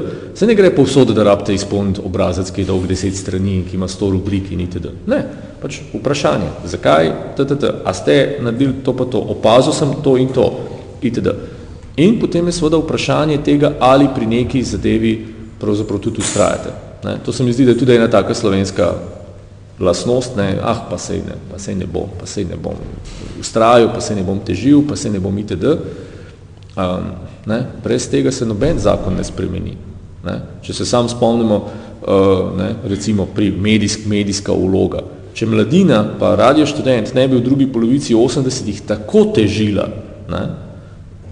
Mislim, bi verjetno zadeva bistveno počasneje potekala v Sloveniji, tako kot je. Vsak teden so težili za neko zadevo in vsak teden znova so jim nekaj ali prepovedali, nekaj jim niso hoteli objaviti, nekaj so uno, tretje, ne, najedali so, ja, ampak vsak teden in so pač ne, v parih letih nekaj, kar je bilo leta recimo 86 še popolnoma nesprejemljivo, leta 89 so oni lahko, ne, ne vem, imeli so intervju z kraljem Karadžočevičem, ne, Ja, leta 86 v Jugoslaviji je bilo zakonom prepovedano, da boš ti imel intervju z katerim koli predstavnikom kraljeve družine. Ni bilo šans. Ne? Leta 1989 intervju in, in ne, ta prestolonaslednik ne, na naslovnici mladine. Vsakič znova so premikali zadevo, ne, lahko rečemo temu, da so bili tečni, ampak ali so pa bili pač konsistentni.